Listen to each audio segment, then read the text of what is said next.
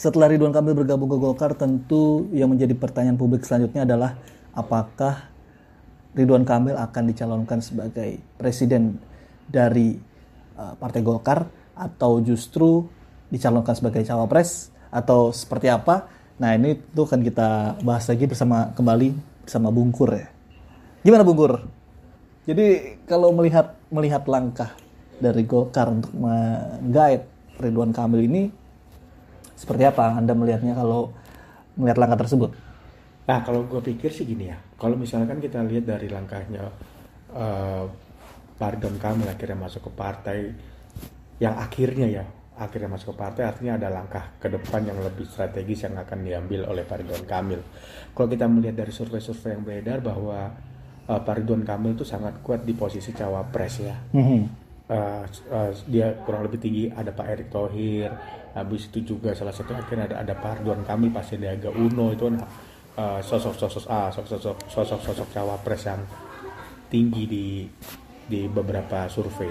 Nah mungkin salah satu yang akan diambil oleh Golkar mungkin dari kan karena gini ya Golkar kan saat ini untuk presiden presidensial threshold kan mungkin kurang ya. Ya kurang nah, sedikit. Berarti dia harus, nah berarti kan dia harus koalisi hmm. dengan partai lain.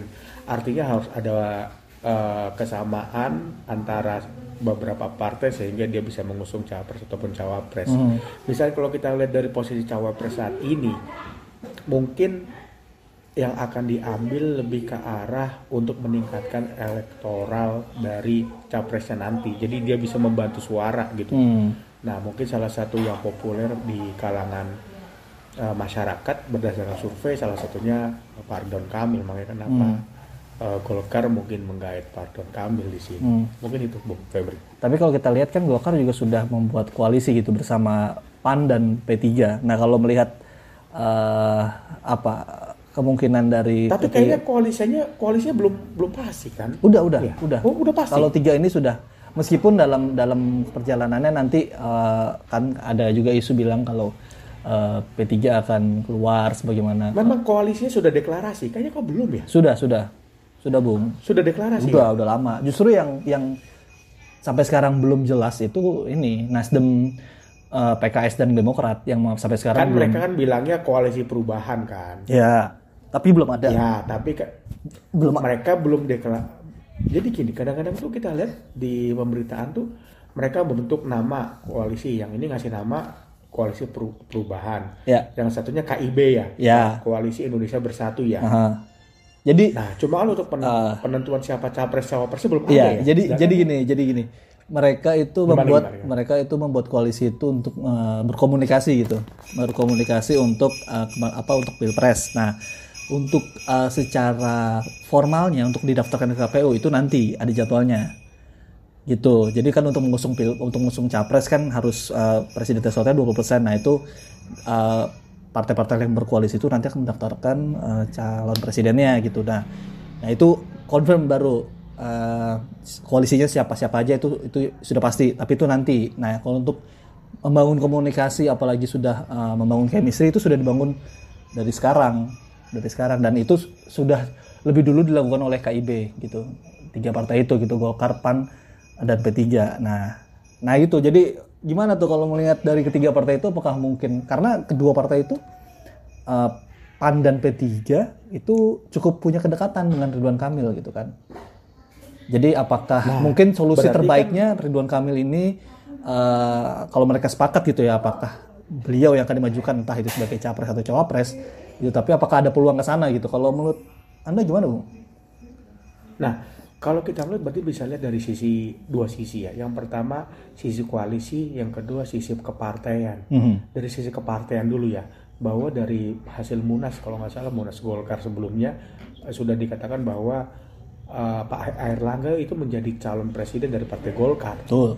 Ini hasil munas kan. Betul. Nah, nah kan kalau kita dari segi sisi koalisi hmm. dari sisi koalisi saya rasa masih masih 50-50 ya di PAN juga masih ada Pak Zulkifli Hasan kan hmm. di P3 masih ada kayak P3 yang akan Nah, yang akan kejutan ya. Mungkin P3 kan terakhir kan musuh. diramaikan dengan Sandiaga Uno kan. Tapi belum tahu.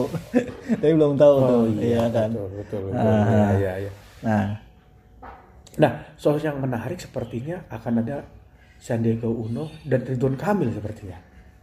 Mungkin, sangat mungkin sih itu. Nah, tetapi nah itu. tetapi lagi-lagi apakah Golkar ikhlas itu tidak hmm. tidak memajukan Erlangga karena ya tadi kalau kita lihat hasil Munas kan Erlangga atau apa uh, para petinggi-petinggi Golkar ini kan sangat kencang gitu menyorakan Erlangga harga mati capres nggak bisa gitu.